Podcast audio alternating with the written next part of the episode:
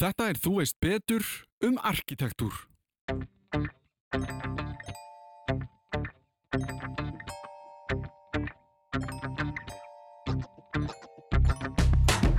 Það hefur allatíð verið og hefur eitthvað mótað arkitektur á Íslandi allatíð hvað eh, það er erfitt með byggingarefni. Elstu hús á Íslandi eru feila frá ekki, ekki eldri en frá átjánduöld. Hyrðin í Versölum, hún voru endanum orðin hundleið á þessari stóru barokkvöld. Í gegnum tíðina höfum við oft tekið fyrir viðfangsefni í þessum þætti þar sem að ég nefni að eitthvað sé allt í kringum okkur en við áttum okkur kannski ekki á því.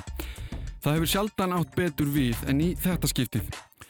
Það skiptir ekki máli hver við erum. Við höfum flest fæðist á spítala, að minnstakosti inn í einhverju byggingu og svo bygging var hönnuð af einhverjum. Það var einhver sem hugsaði fyrir hvert byggingin væri, hvaða tilgangi þyrft hún að þjóna og hvernig ætti hún að líta út. Og það á við um allar byggingar sem við sjáum, þær verð ekki til að sjálfum sér. En hvernig við horfum á þær er svo annað mál. Flest okkar, og ég er svo sannlega þar með talin, eigum erfitt með að útskýra hvaða er sem hillar okkur við hýna á þessa byggingu. Við getum svara spurningunni hvernig tónlist finnst þér skemmtileg, en spurningin hvernig byggingarstíl finnst þér fallegastur er kannski aðeins erfiðar í viðregnar. Mér langaði því til að kafa aðeins ofan í þetta viðfóðsefni og fekk því til mín Pétur H. Ármannsson, arkitekt, til að fara yfir málinn með okkur. Eftir samtalið okkar áttaði ég með á því að arkitektur er of stórt viðfóðsefni til að rúmast í einum þætti, svo við skiptum yfirferð okkar í tvo parta. Við byrjum á sögunni, sem er næstu því jafn gömul og saga mannsins, en í næsta þætti ræðum við svo nútíðin á hvað framtíðin geti borið í skauti sér. En eins og alltaf byrjum við á kynningu frá viðmælandanum sjálfum. Já, ég heiti Pétur H. Ámansson og ég er arkitekt að ment, stundaði nám í Toronto í Kanada og síðar í framhalsnámi í Bandaríkinum við Cornell Háskóla í Íþöku, New York og eh, ég eiginlega lög því námi 1991 og síðan þá þá hef ég verið búsættur hérna á landi. Ég hef unnið á teiknistofum og eh, hérna í 10-15 ár þá var ég eh, deildarstjóri byggingalista deildar við listasar Reykjavíkur, tók þátt í að byggja þar upp, svona standa fyrir síning kynningum og umfjöllun um byggingalist bæði inn á sapsins og utan þess. Og þá svona byrjaði ég að sinna kannski rannsóknum á arkitektursögu þannig að má segja að ferill minn í arkitektur hafi kannski tekið óvænta stefnu. Ég náttúrulega var mentaði til þess að fara starfa sem arkitekt en svo eh, var þessi söguleg áhugi kannski svo litið til þess að ég fór inn á þessa brautir. Núna þá er ég síðan 2013 þá hef ég starfað við Minjastofnun Íslas eiginlega sá deild sem að fjallar um húsvendarmál. Þar er ég í svona ekki alveg fullu starfi þannig að ég hef enþá svona langar helga til að sinna áhuga málum eins og, eins og því að rannsaka íslenskas arkitektúrsögu og þá sérstaklega kannski svona setni tíma söguna sem hefur fengið kannski minni aðtegli heldur en allra elsta sagan. Þannig að svona, já, þetta er svona grófum dráttan sem ég er að fást við. Ég er svona fræðimaður í hérna frítíma en, en mitt fastastarf er hjá Minjastofnun Íslands.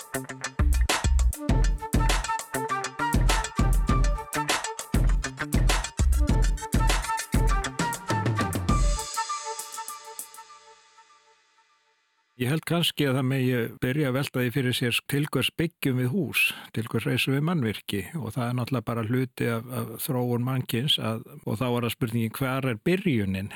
Ma, mannskeppnan hún þarf allavega stórun hluta heimst þá þarf hún skjól fyrir veðra og vindum.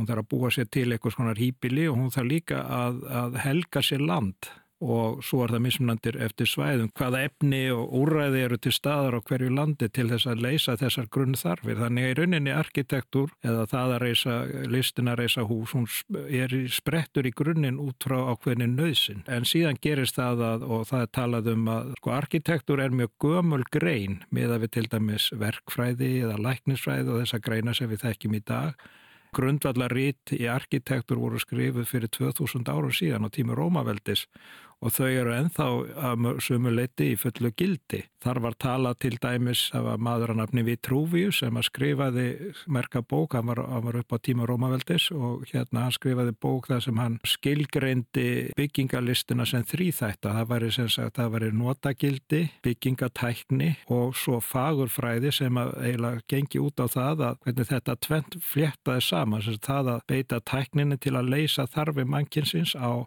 maður má segja, á, á svona samþættan hátt. Arkitektur er í eðli sínu, ef við berum saman við verkfræði, sko verkfræði er, er raunvísinda grein sem byggir á starfræði, ellisfræði og, og, og, og mælanlegum grunn, grunnatriðum. Arkitektur er meira svona eins og maður segir reynsluvísindi, eh, eitthvað sem mann læra með hverju kynslu og það er ímist dæmum það, hvernig, hvernig að eh, á tímum Gríkja þá þróaðust þessi frægu hóf, menn, menn sem sagt byggðu húsin, lærðu að reynslunni sá að já, þetta kemur nokkið alveg nú út, við skulum prófa það, reyna að gera aðeins betur í næst og prófa þetta, kynslu fram að kynslu, þannig að smá sama þróaðust ákveðnar það sem við köllum byggingarstíla, þeir hafa oft orðið til þannig að það hefur verið svona bara á ákveðnu staði, ákveðnu tíma, hefur verið ákveð viðfónsefni, ákveð vandamál sem hennar verið að leysa Stundum hefur það verið út af því að menn hafa gert tæknilegar uppgötvanir sem hafa virkilega valdið strömmkvörfum í þessari framvindu.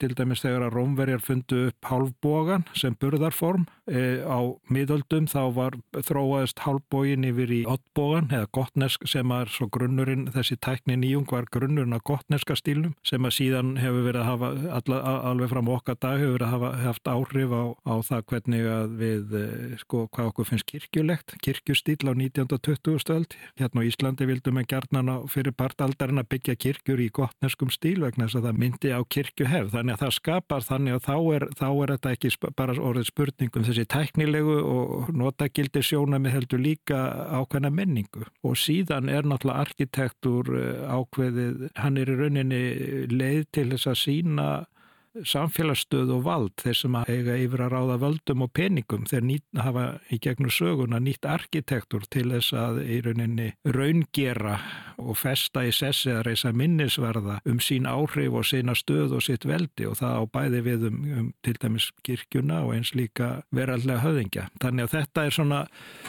ansi markþætt grein eins og þú heyrir og það minnir mig eiginlega á að ég bjóst ekki við að þetta væri þú veist, þetta væri 2000 ár eins og þú nefndir. Er einhver sem við vitum eða tölum um sem föður eða móður arkitekturs? Já, það er nú kannski, við munum kannski eftir nafninu hans vegna þess að hann skrifaði bækur. Ég veit ekki hvort hann byggði byggingar, hann hefur elvist gert það líka, en, það stu, en, en svo voru náttúrulega, það eru til miklu eldri, eldri byggingar en, en frá tíma Rómaveldis og en við vitum svo sem ekki hver, hver hannaði þær eða teiknaði þær, en lengi vel þá var arki, fól arkitektur í sér ímsar greina sem er ekki lengur hluti eða sem er, sem er í dagorna sérhæðið það var ekki verkfræði sem slík var ekki til, hún var bara hluti af, af, af því sem arkitekta voru að fást við. Um, og svo var hann tengd arkitektur líka tengdist mikið og borgarskipula tengdist mikið hernaðalist, það voru oft, oft sko, borgir fyrir tíða voru í mörgum tilungum bara virki, það var byggð til þess að verjast óvinniheljum, menn hafðu byggðu múra í kringum borgirnar og þannig að eh, arkitektar fyrir tíðar, þeir hafðu þekking, gáttu að hafa þekkingu sko á hernaðamannvirkjum og þeir voru líka þegar komað því að tekna trúarlega byggingar, hvort sem það var nú moskur eða, eða kirkjur, þá, þá þurftum við að þekka inn á tákfræði og dulsbyggi og alls konar slíka hluti, þannig að þetta var allt undir hjá þeim sem voru til dæmis að reysa gottnesku kirkjurnar á miðaldum, þá var ekki, þá var þetta einhvern veginn allir að vinna í þá almættisins, listamenn og húsamestrar voru ekkit endilega að setja nöfnin sín við þessar byggingar. Við vitum ekkit endilega hver það var sem að teiknaði þessar fræg og dónkirkjur í Fraklandi og England og Þískalandi. En uh, síðan er það kannski með endurreysnin á Ítalíu á 15. öld að þá fyrir að vakna þessi vitund um arkitektin sem höfund og hann er nafngreindur þannig að þá verða, verða einstaklingar til dæmis eins og Michelangelo, Leonardo da Vinci og Borromino verða geta sér orð sem frægir arkitektar. Og að því þú nefndir uh, Gríkland uh, og ég man einhvern tíma þá var ég að svona reymbast við að lesa um sögu Kreml og mm. Rústlands. Þar virtist til dæmis vera mjög mikil áhugi fyrir því að fara til Ítalju og ná í arkitekta til þess að hanna byggingar í Kreml og í Rúslandi, eða Moskvu. Og þess að sem þú nefndir Ítalju, þú veist, er Ítalja, hvað maður að segja, af hverju er svona mikið af arkitektum og svona nöfnum sem koma frá Ítalju? Já, það er að, já, það má alveg segja það að, að hérna vakka svona vestræns nútim, nút, arkitektur sé mjög mikið, má mjög mikið til reykja til Ítalju. Það var alveg lengi framann af bæði náttúrulega sko endurreysnin og þá er nú kannski rétt að spurja spurningbyttu hvað er endurreysn vegna mm. þess að við erum kannski vön því að til dæmis í dag þá erum við svo mikið með hugan við nýsköpun og nýsköpun einhvern megin sé að finna hluti frá grunni eitthvað sem einhver með dotti í huga áður en, en, en í arkitektur og, og eflust fleiri greinum, jafnveg líka tónlist og myndlist, þá er það líka, geta með líka sko endur uppgötuð eitthvað sem er, sem er löngu glemt og grafið og séð eitthvað spennandi við það og það er unni endurreysnan í Ítalið, hún gekk alltaf mikið út á það á síðmiðöldum þá voru menn búin að gleima, þá voru bara gamla Rómaborg frá tíma Rómverja var voru bara rústir og allt glemt og grafið í, kringu það og svo fórum menn allt í ennum kom um kynslu sem fóru að kynna sér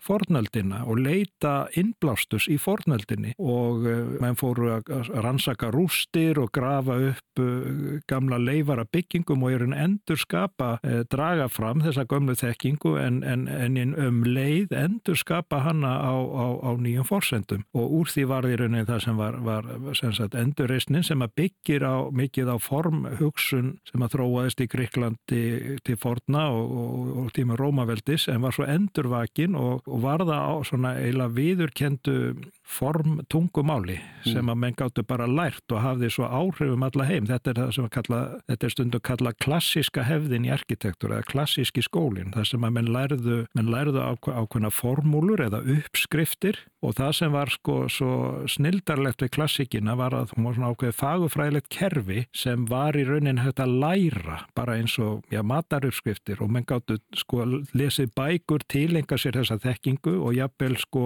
e, smiðir e, við getum tekið sem dæmi kirkjusmiður og Íslandi sem fóru kannski í, í einn vetur til Danmörkur að læra framhalsnám í húsa, húsasmíða húsbyggingum að þeir lærðu ákveðna grunnreglur og svo endur speklast þær kannski í, í einföldum kirkjubyggingum frá 19. öld sem að það er auðljósta smiðirnir sem að smíðu það sem að höfðurinn enga, þeir voru enga ekkert mentaðir arkitektar, teikningarna sem þeir gerðu voru mjög ófullkomnar þeir lærðu formúlutnar, þeir lærðu þetta kannski svolítið eins og bara að læra elda mat eftir eftir uppskrift menn gáttu lært á og svo eru þið betur og betri.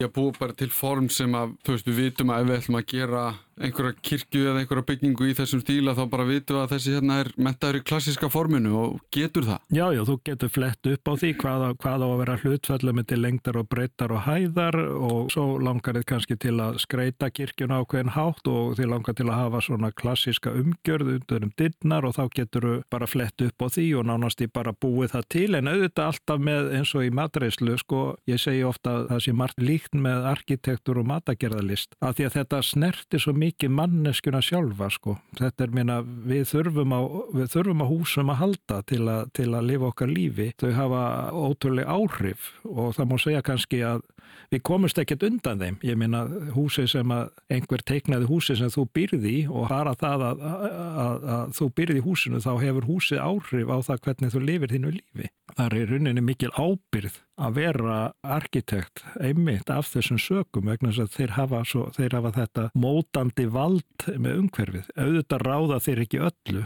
þeir ráða í rauninni kannski minna en margir halda því að til dæmis í dag þá eru ímis fjármála og stjórnmála upp sem að kannski hefta menn í því að hvað þeir vilja gera en, en, en arkitektur er svo mikið samfélagsmál og þess vegna finnst mér mikilvægt að þeir sem leggja þetta starf fyrir sig að þeir nálgist það ákveðna auðmygt og virðingu bæði fyrir því hlutverki sem að eiginlega bara væntum þykju fyrir það samfélag og það fólk sem þeir eru að vinna fyrir ákveðin svona humanismi og, og einhvern veginn séu hafið þá hugssjón að, að, að bæta líf manneskunar með, með því sem þeir eru að gera. Og kannski þið förum þá pælum í sögu arkitektús á Íslandi og það langar mig aðeins að þið verum búin að tala um endurreysnar tímabilið eru svona þessi, að ég hef heyrt það áður en eru, það eru svona bara mannkinsagan skiptist í einhvers konar tímabil varðandi húsastíl og arkitektur eða hvað? Já, húsastíli náttúrulega hverjum tíma, hann, hann endur speklast náttúrulega þeim samfélögum sem er á hverjum tíma og þegar að samfélög ná ákveðnum hápunkti eins og til dæmis eh, Rómaveld á sínu tíma sem að náði yfir stóran hluta lands þarna í Evrópu,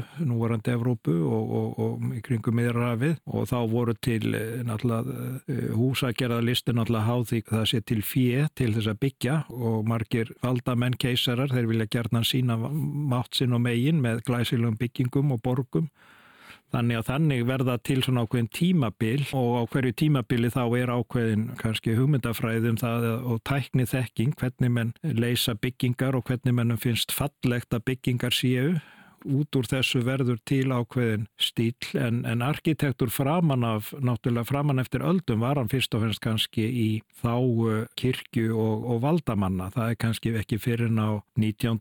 og aðalega 20. öld það sem þessi hugssjónum að arkitektur eiga, eiga vera fyrir alla, mm. ekki bara þá sem eiga hérna fjö og hafa völd heldur að, að, að hinn anvenjulegi verkamaður þetta var þannig að það kemur inn á 20. öldinni til dæmis í, í sambandi við modernismann og funksionalismann sem byggðist á þeir ákveðinni samfélagshugsun að arkitektur ætti að gera öll, öllum hópum samfélagsins jamt undir höfði og gefa þeim klefta lífa góðu og innhalsríku lífi.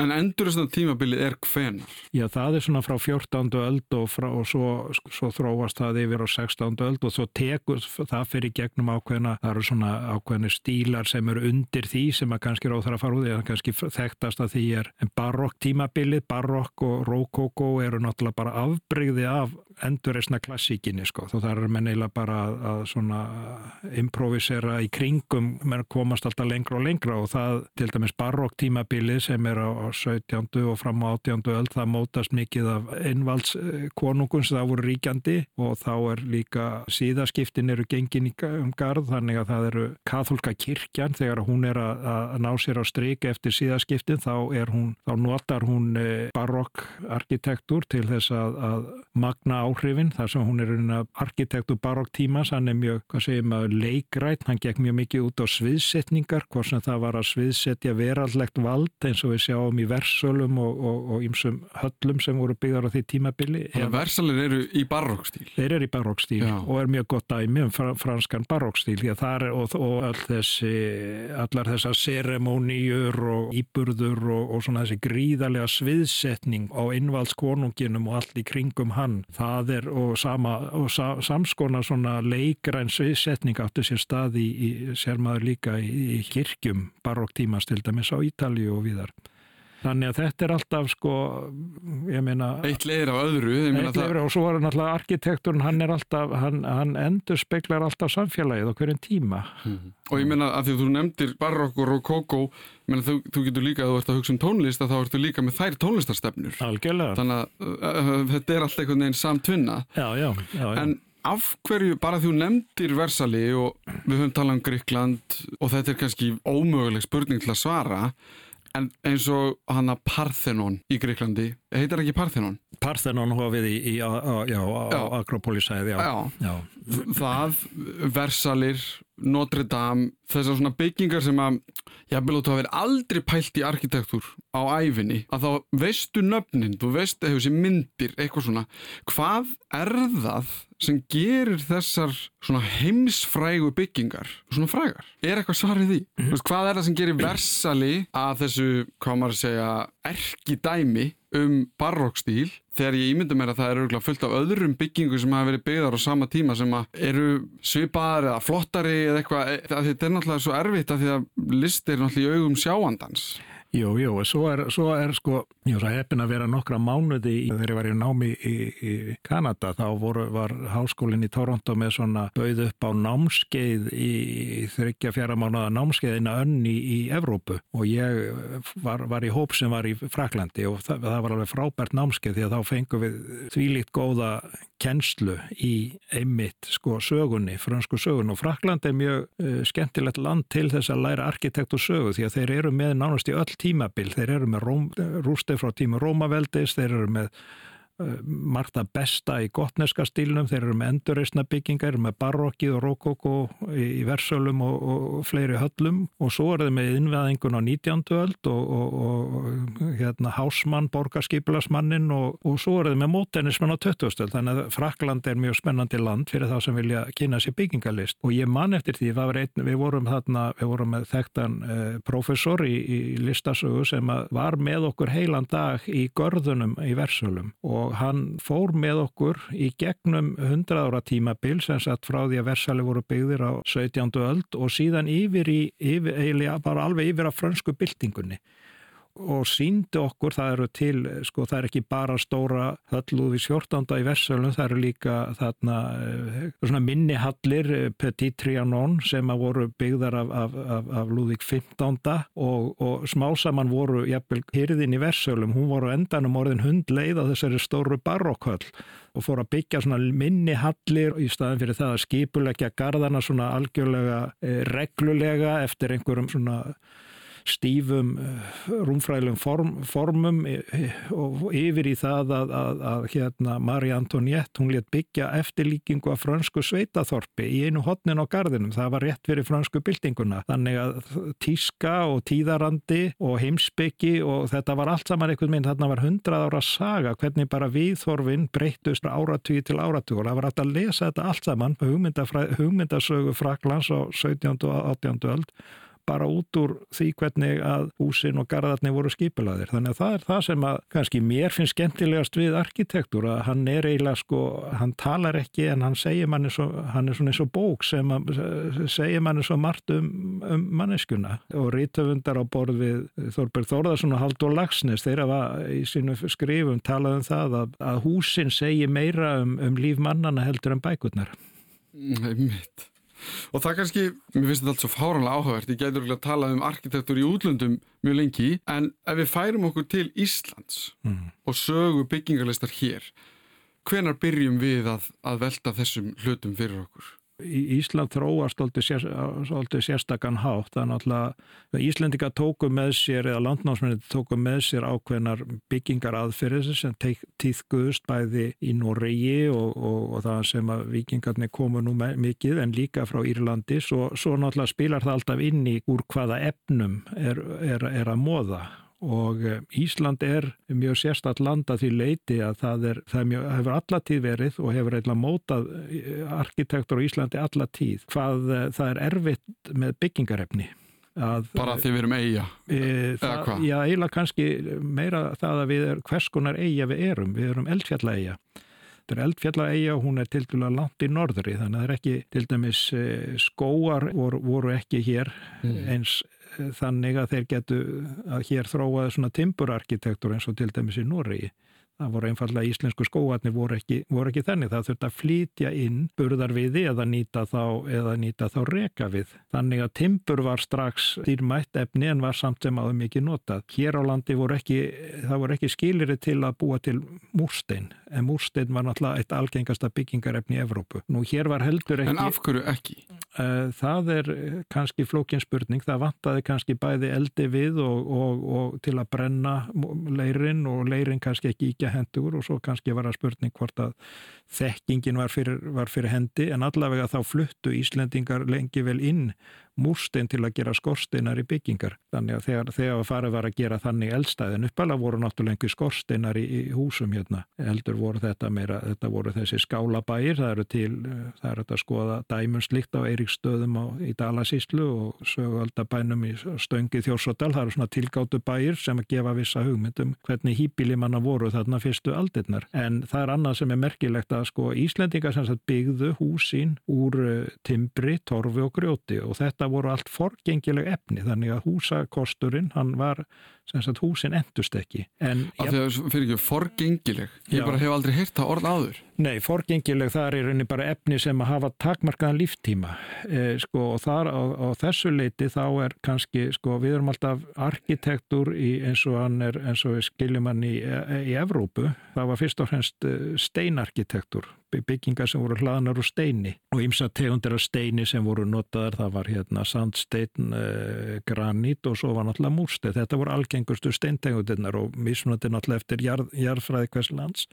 Þú segir granít og, og, og segja múrstein. Er, er, af því að ég hugsa um múrstein, þá hugsa ég bara múrsteinkuppin sem þú hleður, Mhm. en eins og granít, er það þá granítkuppur?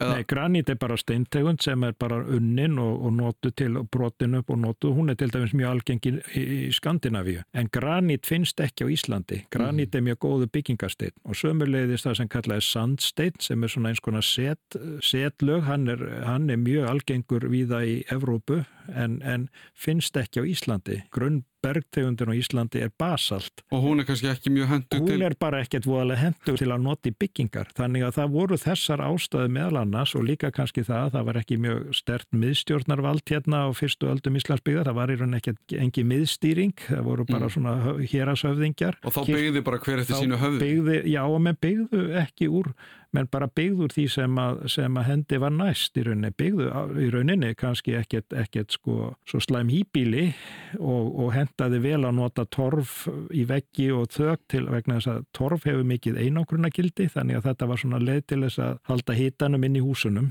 og, og þetta var það sem Íslendingar höfðu. En svo ekkert meginn þegar að líður, aft, líður fram á miðaldir þá svona smá saman einangrast Ísland. Þannig að þessi aðferð að byggja úr torfi og grjóti sem að þekktist náttúrulega á nákvæmna löndunum á þeim tíma sem að Ísland eh, byggðist í fyrsta sinn. Að eh, aðra þjóðir þær, þær, þar þróaðist húsa, húsagerinn svona meiri átt, átt við það sem að týðkast í dag. Menn fór að nota múrstein og timbur og, og stein meira í byggingar. En á Íslandi þá hel, heldst þessi torfhefð Mhm. eiginlega alveg fram á byrjun 20. aldar meiri hluti í allra íbúðarhúsa á Íslandi fram á 19. öld voru, voru, voru torfhús en Já, það er svo stutt síðan. Já, og eitt af því sem að þetta þýðir og svo voru náttúrulega, það voru að vísu sko einstaka höfðingjar byggðu timburhús og, og svo voru náttúrulega á biskustólarnir byggðu, þar voru rísu svona domkirkjur í Skálholt og Hólum sem voru miklar timburbyggingar og kannski með þeim,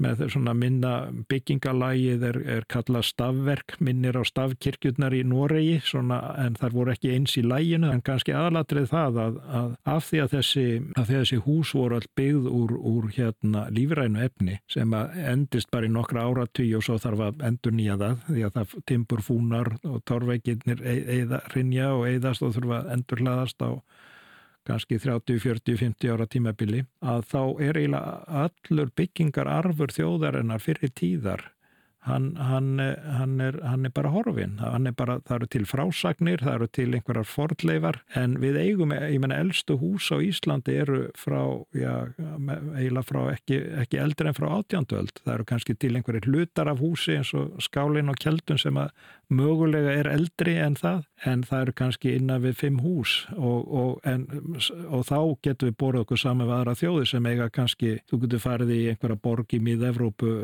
Basel í Sviss og þá er þetta gangi eftir gött og þar eru hús frá, frá 11, 10, 11 og 12 öld í, sem standa bara enn sem standa bara ennþá er búið í Mm. við höfum bara ekkert svo, ég meina átjándu aldar hús þykja ekkert mjög gömul í, í Evrópu. Þannig að þetta er kannski merkilegast við, svona þetta er eins sérstaðan á Íslandi hvað, hvað okkar saga, hvað okkar byggingararfur er í rauninni nýr.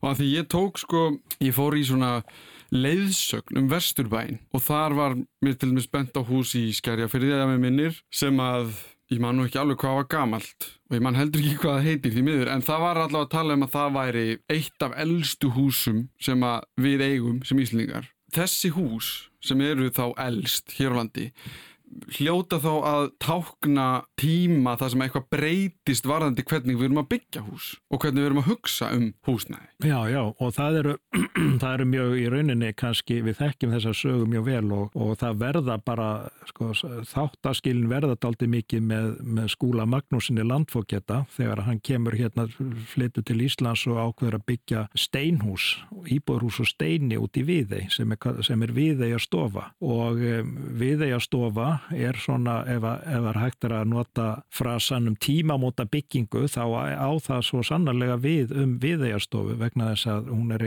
eitt elsta hús landsins, eitt elsta steinhúsið. Hún er teiknuð af þekktum dönskum húsamestara sem að vann fyrir danska, danska konungin danska einveldið byggði jú, kostaði jú byggingu húsins þessi arkitekt sem heitir eða hér Nikolai Ektvið svo sem hann teiknaði hérna Amalienborgar hallirnar í Danmörku það er semst mm. sami arkitekt og teiknaði hallirnar fjórar og í kringu torkið sami arkitekt og hann náttúrulega kom aldrei til Íslands, vissi sjálfsagt ekkert um staðin, ég veit ekki hvað upplýsingar hann á henni hann teiknaði mjög fallegt hús og hann teiknaði... Hvenar er þetta? Þetta er 1750, um, upp úr 1750 miðja 19. öld og sama tíma og, og skúli var að láta leggja grunnað í rauninni Reykjavík sem bæ með því að reysa innrettingarnar við aðalstrætti. Skúli Magnússon leggur grunninn að því sem hann síðar var Reykjavík sem borg og svo leta hann byggja þessa tímamóta byggingu sem að sem, þar sem er unni má segja að áhrif nýjustu ströyma í byggingalist sem á þeim tíma var, var kannski barokkstefnan við þegar stofa, það er kannski mannum fyrir skrítið að tala um að hún sé í barokkstíl en arkitektin sem teiknaði hana hann, hann, hann vann, hann teiknaðis líka byggingar í Danmörku og, og maður sér það á hlutföllunum og hvernig glukkarnir eru og hvernig helstu hlutföllin í bygginguna hún er, hún er hönnuða mjög kunnáttusumum og listvengum húsamestara en hún er líka mjög einföld. Hann vildi ekki fara að gera sig grein fyrir því að það var ekki að byggja mikið flúr og skraut og, og, og útidúra í, í byggingu í þessu norrlega landi sem hann vissi kannski mm. sennilega voðalega lítið um. Á eigu í faksaflóa eða hvað? Já, í eigu, eigu við, við eiguna. Sko. Já, eigu um mitt sko. Þetta er mjög áhugaveru staður til þess að einhvern veginn koma og segja bara byggjum hérna, já hvað, eitt fyrsta steinhús á Íslandi þarna úti í þessari eigu. Þetta var kallað höllin í viðei sko. Já. Þetta var bara eins og fyrir Íslendinga á þeim tíma þá var þetta náttúrulega bara eins og, eins og uh, versalir sko. Einmitt, já ég get alveg trúa því. Ef við vorum ennþá öll, eða flest allavega bara í torfbæjum og eitthvað.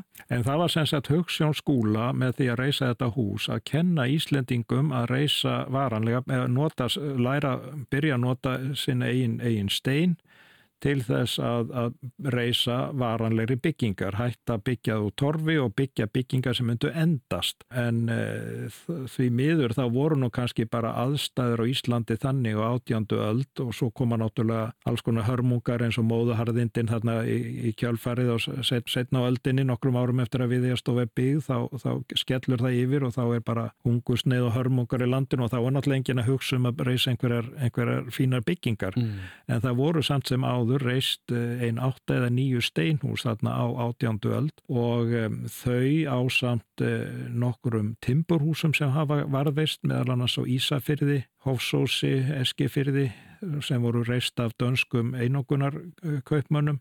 Þetta er í rauninni eldstu húsin hér á landi og síðan eru við, eh, svo eigum við enn, enn þann dag í dag, það eru all nokkur torfhús sem ennþá standa, kirkjur og, og, og bæjir en, en ekkert í líkingu við þann fjölda sem var náttúrulega þeim tíma og þau, þau hús eru flest bara minjasöfn eða sapgripir má segja. Mér langar samt að spyrjum sko að því við höfum talað um stefnur, enduristastefnuna og, og þetta, hvaða stefna var á Íslandi? Var einhver stefna? Eða var bara handofskend eftir því bara hver, hvaða arkitekt hannaði hvaða hús? Ísland eh, lengi framann af sækir öll sín áhrif og, e, í byggingalist til Danmerkur.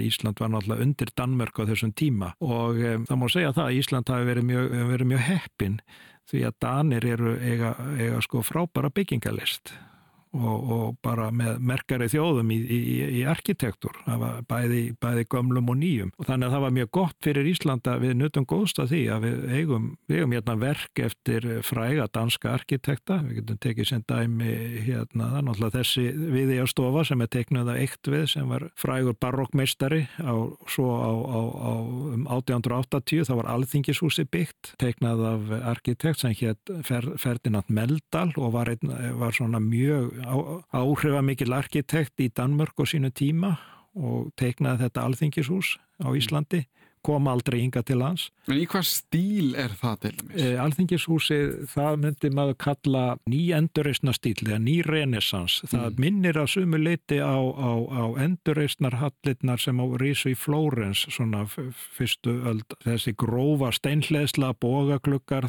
þarna á 19. öldinni 19. öldin er svolítið sérsta tímabil því að þar voru menn svolítið mikið, þá var kannski ekki neitt einn stíl ráðandi heldur, heldur var það eiginlega talið eðlilegt að menn myndu svona bara horfa aftur í söguna og, og, og svona menn þurft að kunna nokkra mismunandi stíla og svo völdu þeir þann stíl sem að passaði best hverju verkefni. Mm -hmm. Þannig ef við vorum að teikna kirkju þá teiknuðum en kirkjuna í gottneskum stíla því að það þótti vera kirkjulegt eða nýrómanskum stíl en ef við mórum að tekna banka eða, eða, eða þingu eða ráðhús eitthvað slíkt þá kannski notum við endurisna stíl. Á þeim tíma voru náttúrulega komna listaakademíu sem kendu, voru með námi arkitektúra sem gáttu lært og útskrifast, fengið próf sem arkitektar og þá var það gert þannig að þá þurftum við að sína fram á og þeir getu teiknað byggingar í mismunandi stílum. Nú höfum við farið yfir sögu arkitektúrs á hundavaði ef svo má að orði komast. Augljóslega er rúmur hálftími ekki nægur tími til að fara náið út í mörg túsund ára sögu en það mætti segja að stóru póstanir hafi verið tæklaðir. Erlendis er saga arkitektúrs laung, mikil um stór nöfn og byggingar sem hafa risið gegnum árin en hér heima áttu við erfiðara með þetta allt saman. Við hefandi eiga í miðju Allandshafi en einnig hvernig eiga Ísland er. Skúli Magnússon og viðeigastofa marka tímamóti okkar byggingasögu sem virkar nánast eins og úlingur við hlið eldri borgara sem á finna víða um Evrópu. Í næsta þætti ætlum við að fara yfir nútíðina, hvað er í gangi í dag og einnig velta vöngum yfir framtíðinni. Hvernig byggingar sjáum við fyrir okkur þá og heyrum meðal annars þetta hér allar þessar byggingar sem er að rýsa í tengslu við ferðaþjónustu þar sem að sko eitt af því sem ferðaþjónustan hefur haft í förmið sér er það að menna vorið meðvitaður um það að, að svona áfangastadir og dvalastadir þurfa að vera fallegir, þurfa að vera fallega byggingar, þurfa að vera eitthvað spennandi þannig að arkitekturn hefur kannski pínlítið er farin að eh, skipta máli í þess konar atvinnuppbyggingu. En við lókum bókin í byli. Ég þakka Pétri Há Ármannsinni kærlega fyrir að fara yfir málinn með okkur og þakkum leið fyrir mig. Við heyrum svo aftur í næstu viku með meiri þú veist betur um arkitektúr.